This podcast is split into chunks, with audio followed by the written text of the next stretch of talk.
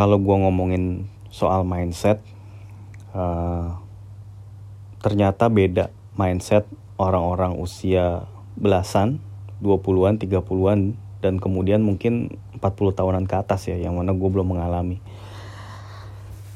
Sebelum ini gue pernah bikin episode tentang pertemanan. Jadi pertemanan di usia belasan, 20-an dan 30-an itu beda-beda. Ya. Artinya kalau sebagai ringkasannya nih ketika lu masih belasan, lu bergaul dengan siapa aja, teman lu banyak, tapi kemudian menginjak usia 20, 30-an itu akan semakin berkurang. Ya intinya kayak gitulah ya karena sebab-sebab tertentu. Nah, ini sekarang mindset. Gue pengen ngomongin mindset. Ya Kenapa begitu penting mindset itu? Karena apa yang ada di dalam pikiran lu, pola pikir lu itu, itulah yang kemudian menjadi hidup lu sekarang. Tanpa lu sadari mungkin. Contohnya gini waktu lu masih kecil lah ya. Mindset anak yang juara kelas dengan anak yang tidak juara kelas itu pasti beda. Kalau si anak juara kelas, dia itu akan kecewa kalau cuma dapat nilai 7 tapi buat anak yang biasa-biasa aja, yang survival aja, dapat nilai 7 pun itu udah girang. Dan itu tanpa terasa mereka bawa terus. Ya. Orang-orang yang punya mindset selalu ingin perfect ya dalam hidupnya itu perfect itu kemudian ke mana pun dia melangkah ya terus kemudian keputusan-keputusan yang dia ambil jalan yang dia tempuh itu emang berlandaskan itu. Jadi di mana pun dia akan ingin selalu berprestasi. Sampai pada saatnya nanti dia akan merasa cukup. Entah apa pun itulah yang membuatnya berhenti. Entah itu sebab alami atau sebab yang lain-lain lah dalam hidup. Sementara orang yang ya udah pokoknya gue apa yang di depan mata aja kayak atau yang modelannya ya udahlah yang penting gue bisa ngikutin yang penting gue survive gitu. Ya ini juga kebawa ternyata. Kebawa pada saat lo uh, gede gitu. Dan ya orang-orang seperti ini tentu saja jalan hidupnya beda dengan orang-orang yang yang tadi yang pertama disebut yang selalu ingin prestasi gitu tapi kedua-duanya juga punya cerita hidupnya masing-masing gue nggak bisa bilang yang A salah, yang B benar atau sebaliknya. Tapi ya pola pikir itulah yang kemudian ngebentuk hidup lu sekarang. Atau yang simpelnya gini, ada seseorang misalnya nih anak uh, anak cowok lah gitu. Dia ini seorang lover boy. Artinya dia pokoknya yang dipikirin cewek melulu. Pacar melulu, pengen punya pacar lah. Pengen punya apa ya pokoknya pengen punya cewek yang gimana banget lah gitu ya melebihi keinginan dia yang lain gitu jadi orang seperti ini ya ke mana pun dia pergi apa pun yang dia lakukan itu ya emang arahnya ke sana gitu. Jadi ketika lu menginginkan sesuatu badan lu pikiran lu hati lu itu bergerak ke arah situ. Jadi kayak contoh kecilnya gini kayak ini si lover boy ini misalnya dalam hal berpenampilan gitu. Karena dia itu pengen punya pacar melulu akhirnya dia ke mana-mana selalu berdandan. Penampilan nomor satu banget buat dia. Dia lebih memilih untuk beli sepatu yang bagus yang mahal daripada misalnya nih ya daripada um, beli mainan gitu mainan video game. Itu kan masih anak-anak nih ceritanya. Dia punya uang nih misalnya 300 ribu ya. Kalau buat si lover boy ya lebih baik dibeliin buat sesuatu yang menunjang penampilan. Karena sesuatu yang menunjang penampilan itu akan memperbesar peluang dia untuk mendapatkan perhatian cewek yang dia taksir gitu. Dan itu pun merembet ke semua dari mulai uh, up aksesoris yang dia pakai tuh keren-keren rambutnya juga dia dia sisir atau dia rawat dengan keren mukanya dia dipoles-poles segala macam cara dia berpakaian dan pokoknya dia udah tau lah bagaimana body language atau uh, pick up lines ya. Ataupun jokes jokes atau apa pun untuk menarik perhatian cewek gitu. Supaya dia terdengar sebagai orang yang lucu yang menyenangkan gitu ya di hadapan cewek-cewek. Orang yang berwawasan luas gitu yang orang yang luwes dan supel gitu. Yang mana mostly dengan karakter seperti itu lo akan cepat dapat perhatian dari cewek gitu dan lo akan cepat punya banyak temen cewek. Lo perhatiin pasti di setiap uh, lingkungan gitu pasti ada tuh cowok-cowok lover boy yang model kayak gitu yo yang apa entah sebutannya apa ya lover boy kayak womanizer kayak. Jadi ini cowok punya temen cewek banyak gitu. Dan teman-teman cewek ini selalu nyaman berada di dekat dia gitu karena uh, pokoknya ini cowok menyenangkan lah. Gitu. Ini bukan berarti ini cowok banci ya kan cewek senang tuh sama cowok-cowok banci. Enggak ini gue nggak nggak ngomongin cowok yang banci. Tapi cowok yang emang punya pembawaan seperti itu. Itu nah ini berawal dari mindset semuanya. Balik lagi. Gitu Nah sekarang umumnya kalau mindset anak-anak remaja itu seperti apa sih? Nah kalau gue dulu sih ya mindset gue sebagai anak remaja dunia itu sangat luas, menyenangkan dan penuh hal-hal yang menarik gitu. Itu gue dulu. Terus gue ngerasa sebagai anak yang wah gue punya masa depan cerah gitu. Gue punya uh, apa namanya? Gue punya modal ibaratnya. Itu yang gue alamin dulu yang ada dalam mindset gue dulu. Nah cuman sayangnya uh, tahu gimana juga sih ya. Gue tuh ada ada salah-salah juga lah gitu ya ada salah-salah juga. Contohnya adalah ketika gue itu terlalu banyak ngabisin waktu dengan circle pertemanan yang menurut gue itu sekarang sekarang ini ya setelah gue review lagi gitu ya. Itu ternyata terlalu banyak hal negatif Kenapa? Karena gue sempat punya circle pertemanan itu yang isinya adalah orang-orang yang uh, yaitu ngerasa sebagai korban, tidak punya mental pemenang, sering mencari alasan gitu. Itu itu itu bisa gue lihat sekarang gitu. Ketika gue ngelihat anak-anak ini, oh ternyata emang seperti itu dari dulu sifatnya gitu kayak misalnya anak-anak seperti ini ngeliat ada orang yang bawa mobil ke kampus. Anak-anak ini selalu punya pikiran ah apaan sih bawa mobil? Ya. Yeah. itu pada mobil orang tuanya juga. Gaya banget. Ya jadi selalu apa namanya ya dia selalu memfokuskan dirinya pada orang lain gitu. Ngerasa sebagai kaum yang apa ya kaum marginal gitu. Kayak ah mendingan kayak gue nih bawa motor gitu. Ya kayak gitu jadi kayak kaum mendang mending gitu. Sering dengar kan kaum mendang mending mending begini mending begitu gitu. Masih mending lu begini lah gue begitu. Ya orang-orang yang kayak gitulah. Gue gua ngerasa terlalu banyak bermain sama apa ya bergaul sama orang-orang kayak gitu. Akhirnya um, pada suatu masa gue jadi kayak ngerasa terkungkung dan apa ya uh, di comfort zone gitu. Padahal um, tempat gue berada saat itu itu sama sekali tidak baik lah. Kalau gue misalnya terus um, ya meneruskan circle pertemanan itu gitu ya mungkin hidup gue bakal beda. Pokoknya intinya gitulah. Tapi um, untuknya untungnya yang jadi mindset gue pada saat itu adalah bagaimana gue survive. Ya gue orangnya emang tipikal survival. Ya gue bukan tipikal anak yang ngejar juara ngejar uh, prestasi tapi gue pengennya survive dan gue pengennya jadi orang atau jadi anak yang lempang-lempang aja baik-baik aja. Itu yang jadi mindset gue jadi uh, ketika gue mengucapkan mantra itu dalam tanda kutip ya.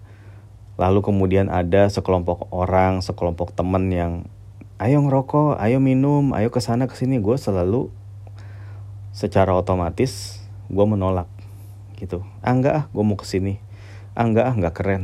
Ah enggak ah nggak mau gitu. Gue berani untuk berkata tidak untuk menolak hal-hal yang seperti itu untungnya. Yang gue syukuri uh, ya sekarang ini ya ketika melihat gue yang dulu yang gue syukuri adalah gue bisa selamat dari bahaya-bahaya pergaulan. Ya yang sekarang kan kalau kita ngeliat pergaulan segitu parahnya ya. Kayak misalnya keperawanan itu udah nggak penting lah.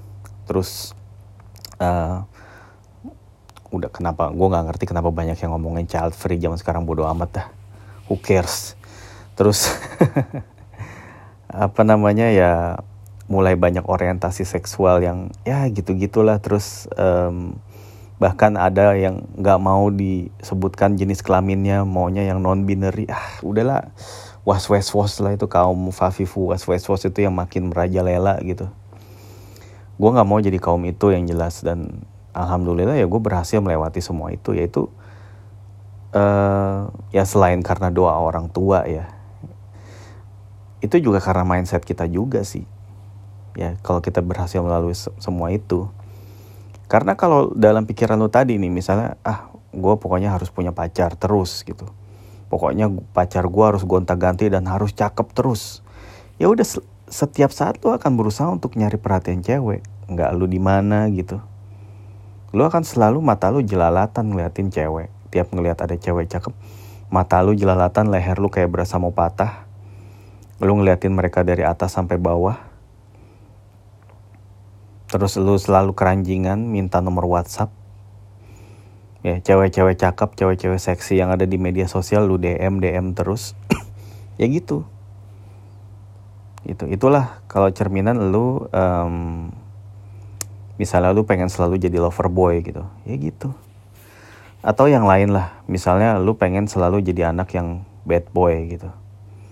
Lu pengen jadi anak bandel anak rebel. Ya semuanya lu akan lu akan berontak gitu. Lu akan jadi orang yang menentang semua aturan yang ada gitu. Apaan sih ini sistem korup sistem gak beres?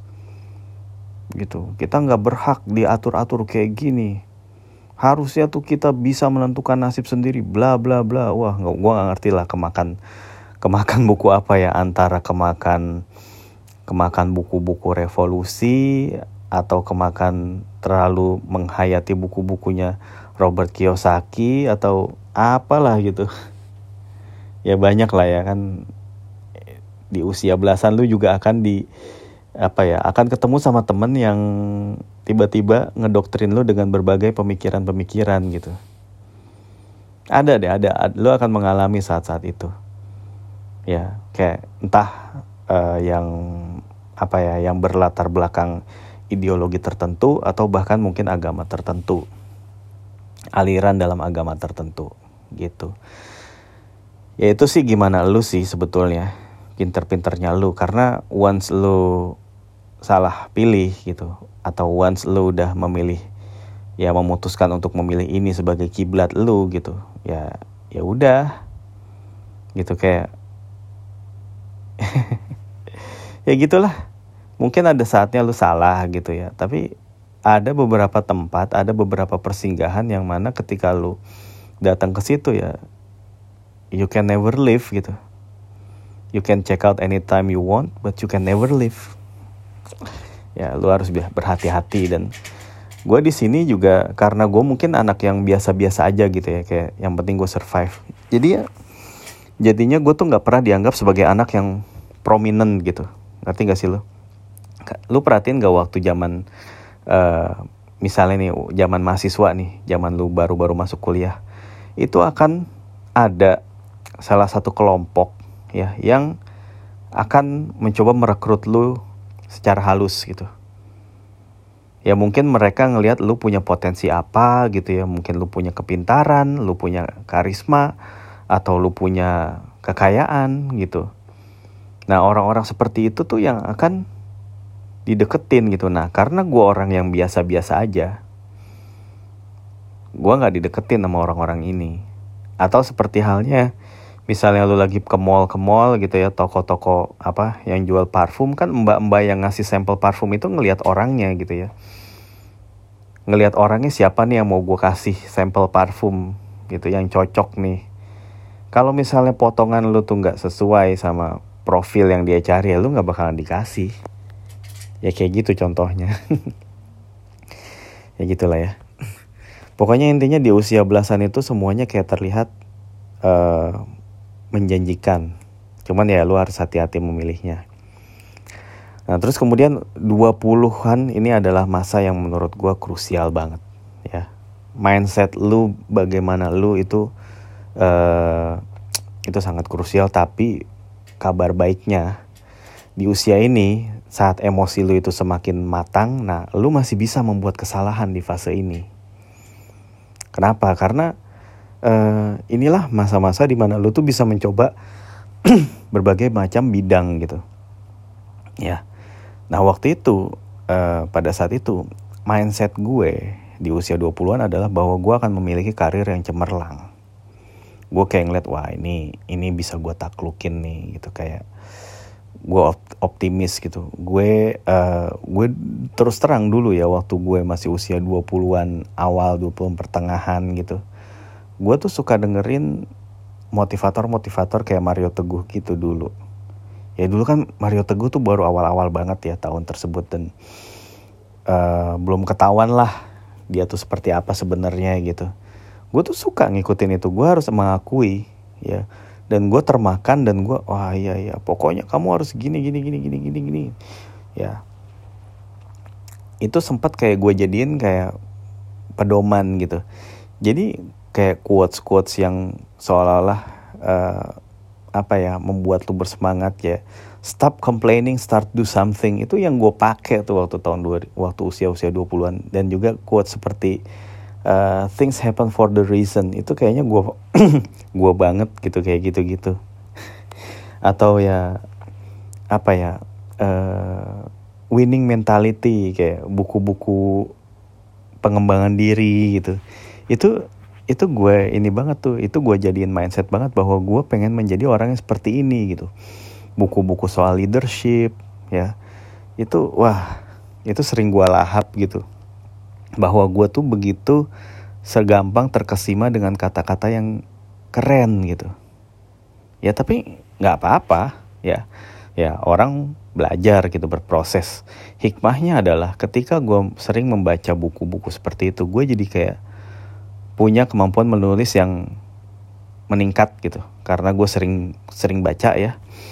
Jadi otomatis karena gue saking seringnya ngebaca waktu itu gue jadi terlatih untuk menulis gitu menulis bagaimana menulis tanda baca yang benar bagaimana merangkai kalimat-kalimat menjahit paragraf-paragraf paragraf pembuka seperti apa, isi seperti apa, penutup seperti apa, punchline itu seperti apa itu gue belajar di situ di fase itu gitu. Dan di usia 20-an ini um, apa ya? Uh, ya itulah mindset gue, mindset gue bahwa uh, gue ini akan punya karir yang cemerlang. dan dan gue ngerasa wah uh, gue selalu terbuai dengan quotes quotes itu. Quotes quotes ala Mario Teguh. Lalu kemudian di usia 30-an barulah um, lo itu nggak boleh bikin kesalahan lagi. Karena di usia inilah uh, lu tuh harus menetapkan pilihan lu. Pada umumnya ya kayak gitu ya di usia 20-an lu bolehlah nyoba segala macam kerjaan. Tapi ketika lu memasuki usia 30 lu setidaknya udah harus ajek gitu. Udah harus kayak yang udah gua gua gua akan mengerjakan ini setidaknya dalam waktu yang lama gitu. Ini akan menjadi karir gua nih ini gitu. Jangan ada goyang-goyang lagi jangan ada persimpangan-persimpangan lagi. Tapi sayangnya ya namanya hidup kita nggak tahu ya. Di usia 30-an itu gue banyak sekali uh, mengalami hal-hal yang tidak enak. Ya di dari usia 30-an awal pertengahan akhir itu hal-hal atau realita-realita hidup yang tidak mengenakan itu gue bisa dapetin.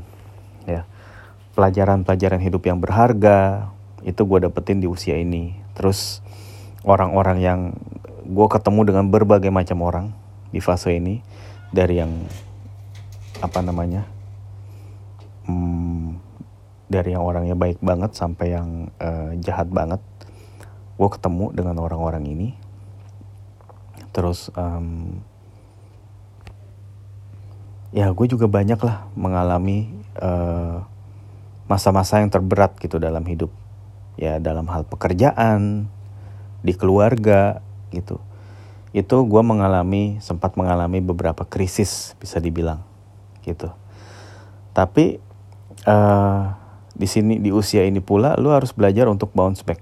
Ketika lu menghadapi sebuah kegagalan menghadapi sebuah cobaan ya bahwa quotes quotes Mario Teguh itu lebih apa ya sama sekali nggak kepake gitu. Atau lu bisa bilang hidup itu tidak seindah cocote Mario Teguh gitu kan. Banyak yang ngomong begitu kan kalau mas-mas jawir kan. Ya emang kayak gitu sih pada kenyataannya itu dan memasuki usia 30-an pula terutama 30-an pertengahan gue udah yang nggak lagi peduli dengan quotes-quotes kayak gitu. Gue udah gak lagi peduli atau terbuai dengan cerita-cerita yang terlalu klise, yang terlalu normatif gitu. Ya. Kalau dulu kan kayaknya gini loh, uh, apa namanya, waktu usia 20-an gue tuh merasa pokoknya lu kalau kerja keras akan berhasil gitu. Hard work pays off gitu. Atau nggak ada tuh privilege privilege orang yang da dari kampung dari desa itu bisa loh sukses gitu ya bisa menaklukkan dunia aja tunggu tunggu aja kerjaan gue taklukin semua gitu terus punya impian yang muluk-muluk lah. Gue pengen ke sana pengen kuliah di sana di sini gitu. Tapi ketika memasuki usia 30-an ya lu baru sadar bahwa oh ternyata gue nggak sehebat itu. Lu itu itu sesuatu yang harus lu terima gitu. Somehow gitu ya. Kalau misalnya lu nggak ketemu di apa ya katakanlah um, misalnya ternyata lu ini seorang slow starter gitu di dalam bidang lu gitu terus lu udah memilih sebuah karir nih katakanlah lu misalnya menjadi seorang uh, konsultan gitu atau seorang akuntan atau auditor gitu. Oh ternyata di dunia ini banyak yang lebih jago dari lu nih. Gitu. Oh ternyata di bidang ini lu nggak cukup mumpuni ini. Ini ini sesuatu yang harus lu terima gitu. Bahwa dunia yang tadinya lu mau taklukan itu tidak lagi tersedia buat lu gitu. Nah, uh, terus kemudian keluarga yang tadinya jadi support system lu gitu. Ini suatu saat bisa goyang gitu. Ya karena gimana ya lu lu sadar pasti. Orang tua lu itu makin lama makin tua. Ya namanya juga orang tua ya. Orang tua itu kan ada penya, punya penyakit orang tua itu punya saudara-saudara gitu extended extended family yang kadang-kadang ya nggak gua nggak bilang selalu sih cuman ada kalanya mereka itu akan merongrong lu gitu. Terus uh, belum lagi ketika lu udah punya pasangan udah punya istri ya lu juga harus deal dengan katakanlah ipar-ipar lu mertua lu saudara-saudara istri lu gitu.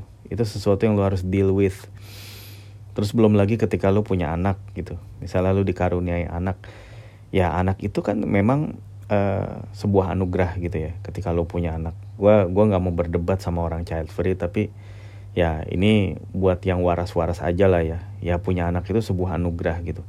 Cuman kan anugerah dan titipan itu ya itu harus dijaga bener-bener ya. Dan itu perhatian lo akan tercurah ke sana gitu. Dan ketika sesuatu terjadi sama anak lu misalnya anak lu sakit lah anak lu butuh ini itu ya itu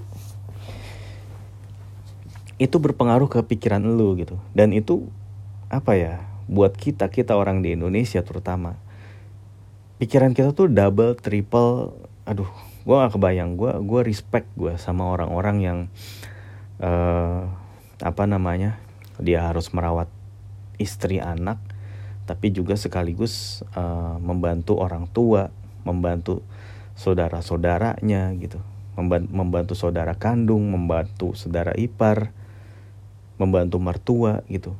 Padahal penghasilan dia katakanlah ya yang biasa-biasa aja gitu nggak yang wah-wah banget. Tapi dia tetap bisa hidup itu respect gue. Lu bayangin apa yang dialami orang-orang seperti ini. Dan itu umumnya tuh terjadi di usia 30-an konflik-konflik gitu ya. Ya di mana uh, kehidupan mereka di internal di dalam keluarga inti itu ada aja gitu. Ada aja ombaknya. Ada aja tantangannya yang itu apa ya? Dan biasanya hal-hal kayak gitu tuh orang lain pada nggak tahu gitu. Lu menyembunyikannya atau lu itu tidak menunjukkannya kepada orang lain.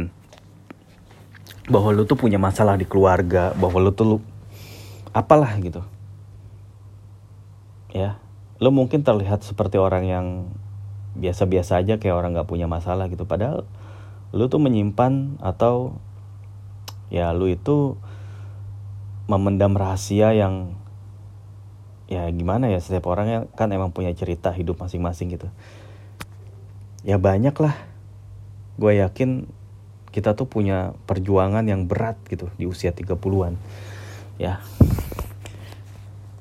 Maka dari itulah ya lu jangan heran ketika lu ngajak teman lu itu untuk kumpul ya. Itu susah gitu. Sibuk sulit gitu ya. Aduh repot nih kerjaan. Aduh repot nih nganterin anak. Aduh repot nih ke rumah orang gue ke rumah orang tua gue ke rumah saudara dan segala macam karena emang di usia di usia-usia inilah yang menurut gue yang paling berat gitu usia 30-an itu ya siap-siap gitu ya buat yang belum ngejalanin. Tapi gue kasih tahu aja usia 30 ini ini juga saatnya lu juga bisa menerima bahwa tidak semua yang lu inginkan itu bisa tercapai. Ya itu yang tadi gue bilang realita hidup itu kelak akan mematahkan lu gitu. Dan itu itu hal yang apa ya itu hal yang hampir pasti deh. Kayaknya orang akan mengalami masa-masa patah masa-masa hancur gitu. Tinggal bagaimana lu bounce back apa enggak lu terpuruk apa enggak. Akan ada deh kecuali kalau lu itu emang sultan gitu ya dalam bahasa zaman sekarang tuh sultan artinya lu tuh tajir gitu. Ya walaupun lu gagal ya akan selalu ada safety net yang uh, melindungi lu jadi dari kejatuhan gitu kalau lu nggak punya privilege ya lu harus kuat-kuatin diri. Lu harus kuatin kuda-kuda lu dari semua yang menghajar lu gitu. Pasti lu akan dihajar pasti. Entah itu di kantor lu dihajar entah itu sama teman sendiri lu dihianatin. Contohnya misalnya temen lu ngutang nggak nggak mereka nggak mau bayar lu akan nemuin tuh masa-masa itu. Lu akan nemuin orang-orang seperti itu di usia 30-an lu akan nemuin juga teman-teman yang tadinya nggak pernah nongol nih nggak pernah ada gitu dalam hidup lu gitu ya. Terakhir ketemu pas masih zaman sekolah eh tiba-tiba nongol lagi minjem duit itu lu akan ketemu dan lu akan harus deal with it gitu. Entah apa yang lu akan lakukan kepadanya ya lu apa lu ngasih atau enggak itu terserah lu. Tapi lu harus bukan harus ya lu akan ketemu dengan yang seperti itu. Entah gimana ya ya udahlah itu lu bersyukur. Artinya gini daripada lu yang dalam posisi yang minta gitu. Alangkah lebih baik lu dalam posisi yang diminta sama orang-orang itu daripada lu yang jadi orang itu yang minta.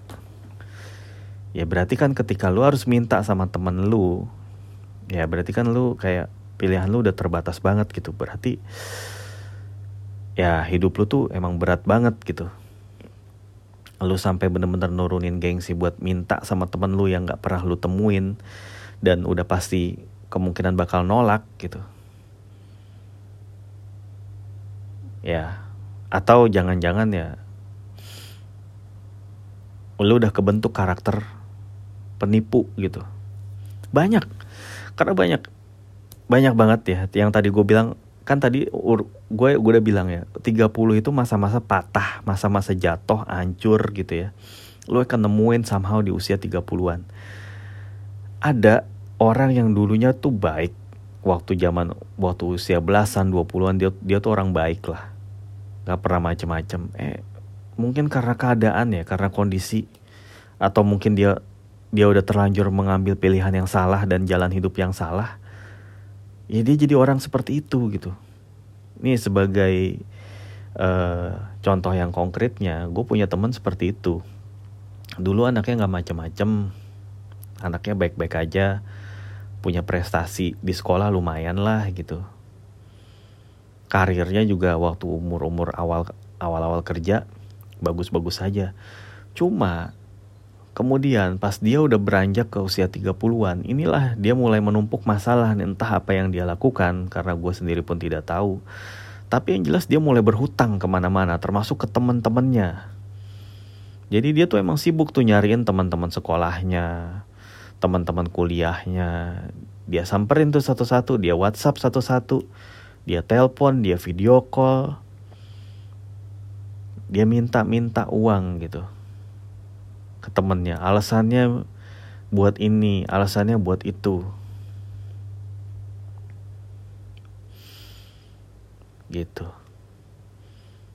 tapi kemudian dia ya udah dia dia kayak terperosok di situ gitu gue nggak ngerti apakah dia itu melakukannya dengan sengaja karena dia ikut perkumpulan tertentu atau nggak tau lah apa pun yang menyebabkan dia jadi kayak gitu itu masih menjadi misteri tapi somehow lu akan dapet pengalaman seperti itu deh. Dan ini juga value lu akan diuji banget gitu. Terutama mengenai ini ya, ini sebenarnya juga berangkat dari usia 20-an. Di usia 20-an itu lu uh, mungkin lu yang tadinya cupu, terus lu kerja, lu punya lu punya kerjaan yang bagus, lu punya uang, lu jadi bisa memperbaiki diri lu, memperbaiki penampilan lu pelan-pelan gitu ya. Yang tadinya jadi lu yang tadinya sosok yang dibully di sekolah, lu jadi bangkit gitu. Dan mungkin lu punya rasa dendam gitu ya terhadap cewek-cewek yang dulu pernah nolak lu gitu. Nah sekarang ketika lu punya sedikit uang, lu jadi kayak ngerasa wah sekarang bisa nih gue mainin cewek gitu. Nah itu akan akan ada masanya lu dapat godaan dari perempuan gitu. Ini gue kalau berbicara sebagai laki-laki ya, akan ada masanya godaan datang dari perempuan. Itu mungkin bahkan ya kalau godaan dari perempuan mungkin naujubillah menjalik sih, tapi itu akan senantiasa ada gitu. Tapi uh, yang katanya sih, yang katanya tuh kencang godaan perempuan itu datang itu di usia pertengahan 20-an sampai awal-awal 30-an sampai kemudian mungkin ntar usia yang udah bener-bener matang kayak 40-an ke atas gitu. Nah itu ada akan ada masanya tuh. Lu misalnya tiba-tiba punya pacar gitu pacar lu cantik segala macam dan lu juga udah udah bebas gitu ya. Namanya juga lu udah kerja orang tua lu udah nggak ngawasin lu lagi orang tua cewek lu juga udah nggak ngawasin gitu ya udah mulailah mulailah terbuka atau ya terbuka kesempatan untuk melakukan hal-hal yang nggak baik gitu. Nah itu yang lu harus apa ya, lu harus jaga gitu. Ya emang orang ada mungkin ada ada uh, masanya dia tuh hilaf gitu ya atau apalah memanfaatkan keadaan atau apa pun itulah sebutannya. Tapi ya harus hati-hati. Harus hati-hati, harus siap dengan konsekuensi semua. Kalau misalnya lu bandel terus pacar lu hamil amit-amit dah. Gitu. Ya lu misalnya nih punya gaji gitu kan wah hotel di mana-mana sekarang murah dan aksesibel tiket pesawat murah. Ya udah itu tuh dengan alasan bilang oh, ada tugas keluar kota akhirnya pergi berduaan check in. Ya mana itu udah udah kayak lumrah banget gitu di zaman yang makin edan ini gitu. Dan ketika lu uh, ngomong begitu ke seorang temen lu gitu ya. Misalnya ada temen lu nih yang suka nginep bareng pacarnya lu coba nasihatin dia dia akan lebih galak dari lu. Percaya deh. Orang-orang seperti itu akan lebih galak. Ih dosa-dosa gua. Lu urus aja urusan lu sendiri duit-duit gua dosa-dosa gua emang lu ngebayarin tiket gua? Wih dia akan membalas tuh dengan retorika yang jauh lebih sophisticated. Hmm. gue kasih tahu lu akan ketemu dengan teman-teman seperti itu dan atau mungkin jangan-jangan lu yang akan menjadi orang seperti itu. Lu yang membantah teman-teman lu itu. Karena lu apa ya lu lu intinya apa pun itulah yang lu lakukan intinya lu misalnya berbuat zina nih ya udah lu akan bodoh amat gitu ini yang zina juga gua gitu ya gitulah ya Nah, terus kemudian memasuki usia 30-an akhir menjelang 40. Nah, ini akan beda lagi. Lu akan berubah menjadi orang yang lebih tenang. Ya, setelah lu mengalami berbagai pergolakan yang terjadi di usia 30-an itu. Lu akan jadi sedikit lebih tenang di usia 40-an. 30-an apa 30-an akhir, 40-an awal lu akan merasa jadi sosok yang lebih tenang karena pertama bisa jadi lu jadi tenang pertama karena udah capek udah capek dengan konflik udah capek dengan hidup istilahnya udah capek dengan cobaan hidup ah, ah, udah dah gue pengen hidup tenang aja jadi banyaklah orang yang pindah kerja di usia-usia tersebut. Aduh gue udah nggak bisa nih kerja di tempat kayak gini lagi nih hustle culture. Gue pengen ke tempat yang lebih tenang gitu. Itu itu itu terjadi. Atau ya yang bagus gini, di usia 30-an dia udah memupuk segala macam yang dia butuhkan, udah banyak menabung, banyak berinvestasi. Jadi di usia 40-an tuh agak ngerem sedikit dan mulai memetik apa yang udah lu tanam. Dan di usia 40-an juga lu lu itu mulai nggak peduli lagi dengan omongan orang deh, percaya deh ketika di usia 20-an dan 30-an itu lu haus dengan pembuktian, bahkan di grup WhatsApp aja, di grup WhatsApp angkatan aja lu bisa berantem gitu. Hanya karena lu pengen omongan lu didengar gitu ya dan ngerasa bener. Di usia 40-an atau 30-an akhir itu harusnya bisa teredam. Karena di usia tersebut lu juga udah banyak uh, memperoleh pencapaian.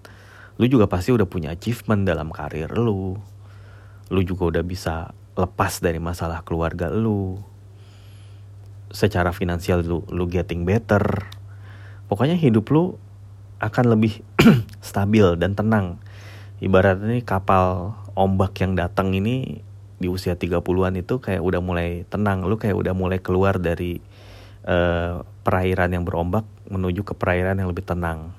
Dan ini kemudian juga tercermin dari sikap lu juga yang akan makin tenang mindset lu. Ya udahlah pokoknya sekarang gue kerja kerja aja berkarir berkarir aja atau berbisnis berbisnis aja. Yang gue pengen cuman gimana anak gue sekolah yang tinggi gimana kebutuhan keluarga gue yang penting tercukupi gue punya tabungan dan lain-lain itu fokus lu udah bener-bener entirely ke situ ya udah kayak yang bodoh amat gitu lu udah bener-bener sangat menjauhi drama. Misalnya ada temen yang berubah sikapnya ke lu, ya udah bodo amat. Lu udah nggak mau main sama gue, ya udah terserah lu. Lu udah nggak mau chat sama gue, nggak mau ngobrol sama gue, itu bukan masalah gue gitu. Lu udah bisa bersikap bodo amat, lu udah bisa berkata tidak untuk ajakan-ajakan yang menurut lu ah udah nggak penting gitu. Misalnya lu, lu diajakin nongkrong nih sama teman-teman lu yang uh, yang tajir gitu, yang dia nggak butuh duit gitu. Ya dia makanya bisa aja nongkrong sementara lu punya tanggungan banyak lu bisa tuh ah sorry sorry gue lagi sibuk gue nggak ikutan dulu ya lu udah kayak punya sepunya uh, lebih lebih punya kendali dalam hidup lu sendiri gitu lu udah punya circle pertemanan yang bener-bener lu percaya dan udah teruji gitu circle orang-orang yang banyak ngebantu lu di kala lu menghadapi masalah di usia 30-an itu gitu. Itulah yang akan lu bawa terus most likely sampai seterusnya. Dan nanti ya kalau yang gue lihat dari orang-orang yang lebih senior dari gue gitu ya, di atas usia 50-an nah itu barulah muncul kayak apa ya, kayak semacam apa tuh? Ya mungkin ya orang menyebutnya kayak puber kedua lah ataupun apalah mulai tertarik melakukan hal-hal yang aneh lagi kayak lu kayak balik lagi ke usia 20-an gitu ya di mana lu tuh kayak tertarik mengeksplor segala hal gitu ya. Usia belasan usia teen teenage uh, usia 17-an sampai usia 24-an gitu. Ya. Tapi lu sekarang punya banyak uang gitu dan punya banyak kesempatan punya banyak fasilitas gitu. Ya cuman hanya aja fisik lu tuh udah semakin menua dan tidak bisa ditutupi. Perut lu makin gendut mungkin rambut lu udah beruban dan botak muka lu udah pada kusem dan segala macam lu nih kalau lu nggak ngerawat diri gitu ya. Kesehatan lu juga udah mulai terganggu gitu. Ada penyakit apalah di lu gitu. Terus lu udah mulai suka hobi pakai minyak-minyak gosok dan minum-minum yang anget-anget ya. Dan jokes lu juga udah mulai jokes bapak-bapak. Ya, dan lu udah mulai suka pakai sarung, telanjang dada. Lu udah mulai memelihara unggas di rumah atau miara ikan di akuarium. Ya. Baru lalu kemudian menghubungi lagi teman-teman lama lu. Aduh, si Supardi ke mana ya? Apa kabar ya? Si Oh, si Jatmiko ke sini sekarang gitu. Atau oh, si Suryana sekarang jadi ini. Gue hubungin ah dia gitu. Oh, si Togar sekarang kerja di sini kayak gue samperin ah ke kantornya aja jadi kayak udah mulai begitu sambil lu misalnya main golf gitu ya. Jadi olahraga lu tuh udah olahraga yang santai udah nggak lagi yang high impact. Mobil lu udah bukan mobil LCGC lagi gitu misalnya. Ya kayak gitu gitulah lu udah nggak lagi struggling uh, dengan uh, pulsa telepon dengan pulsa internet. Lu udah lagi udah nggak lagi struggling antri di kereta gitu terus lu kalau beli tiket konser udah nggak ah udahlah ngapain beli yang festival gue yang penting duduk kayak di tribun. Yang penting bisa nonton band idola gue masa kecil gitu. Lu udah nggak tertarik tertarik lagi dengan diskon diskon dengan dengan budaya budaya pop? Lu udah nggak peduli lah ah, apaan sih? Musik sekarang kok nggak enak ya enakan musik zaman gue dulu gitu. Udahlah bodo amat gue nggak mau dengerin K-pop udahlah bodo amat gue nggak mau dengerin EDM ya. Itu berarti lu udah tua. Ya mindset lu ya ketika lu udah tua nanti lu akan nyari teman-teman lu yang dulu ninggalin lu mungkin. Lu akan nyari kabar teman-teman lu yang lose contact gitu. Dia gimana kabarnya sekarang ya atau lu mungkin akan reconnect dengan saudara-saudara lu gitu yang dulu waktu tiap lebaran itu nyebelin wah ternyata lu orangnya asik ya kenapa nggak dari dulu gue deketin dia? gitu ya. Kayak gitu-gitu mungkin. Lu akan datang kayak ke apa ya tempat-tempat makan gitu ya. Sambil makan malah makan dengan lahap gitu ya. Terus kalau lu kekawinan lu akan nyendok nasi yang banyak ya Enggak ya, itu mah beda ya. beda kelas gitu maksudnya. Atau lu akan sering jalan-jalan ke mana-mana gitu sama istri. Ya entah ke mall atau keluar kota atau keluar negeri untuk mengeksplor gitu ya. Padahal dengkul lu tuh udah lemes gitu, tapi lu kayak masih pengen punya keinginan ya untuk jalan-jalan. Padahal lu tuh udah ada juga kalanya yang nggak bisa nahan lapar nggak bisa nahan kencing terus jadi cranky jadi grumpy ya. Tapi lu masih kayak punya keinginan untuk jalan gitu. Punya waktu punya uang tapi kesehatan udah mulai terganggu. Di usia 30-an tidak punya waktu uang terbatas di usia 20-an dan belasan waktu banyak tapi tidak punya uang. Ya, emang begitulah fase-fase hidup kan. Mindset-mindset hidup jadinya ya udah sekarang di usia 30-an menurut gue dari sisi mindset lu harus pertama ya tadi yang setelah gue rangkum nih lu harus realistis secara mindset. Ya di 20-an, usia 20-an lu bisa lah punya mindset macam-macam, punya cita-cita setinggi setinggi langit. Di usia 30-an belajarlah untuk merelakan.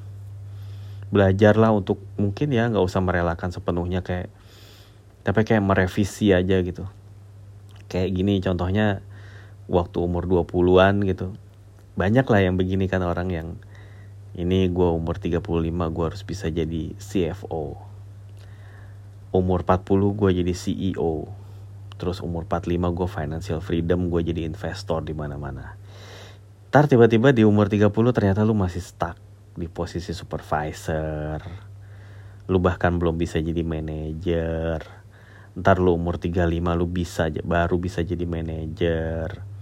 Ntar pas lu udah jadi manajer nih yang tuntutannya gede, mulai di usia 40-an, aduh udah deh cukup jadi manajer aja, capek gua. Itu lu artinya lu kan menerima dan berkompromi gitu. Ya udah lakukan aja kalau emang lu nyamannya seperti itu. Tidak ada yang memaksa lu untuk jadi CEO atau COO atau CFO. Dan emang tidak semua orang punya kapasitas, punya rejeki, punya kemampuan ya untuk berada atau naik ke level yang selanjutnya gitu dan itu sama sekali nggak kenapa-napa semua orang itu beda-beda emang orang itu terlahir beda ada yang sejak awal dia udah punya privilege, udah disediain. Ada yang punya safety net di mana-mana karena warisannya banyak. Jadi dia tidak perlu mikirin segala macam, akhirnya dia jadi bisa melaju kenceng. Dan emang itu selalu ada harga yang lu bayar. Kayak misalnya lu sibuk banget mikirin kerjaan. Terus kemudian lu jadi orang yang dingin, yang kaku, yang pemarah yang punya standar tinggi di mana-mana. Terus misalnya kehidupan keluarga lu jadi nggak baik, hubungan lu sama pasangan lu jadi dingin, anak lu lu cuekin. Eh terus kemudian anak lu udah gede nggak nurut sama lu, ngebrontak dari lu. Ya itu karena lu nggak pernah ngasih kasih sayang buat mereka. Lu terlalu sibuk mikirin karir lu. Ya itu terjadi lah. Jadi di usia-usia menurut gue ya, fase yang paling krusial di dalam hidup itu selain usia 20-an ya 30-an. Usia 20-an lo harus ngeset diri lu itu seperti apa. Kemampuan lu itu siapa seperti apa, siapa diri lu, siapa gua nih. Terus dari siapa gua ini kejar sesuai dengan kapasitas lu. Nah di usia 30-an ya lu belajar merelakan. Itulah menurut gue nanti cerita-cerita kayak anak kampung yang bisa jadi pengusaha itu itu udah gak menarik lagi buat lu. Itu udah terlalu klise buat lu gitu. Percaya deh ada ada fasenya seperti itu ada fasenya lu kayak aduh selama ini gue dibohongin sama dongeng.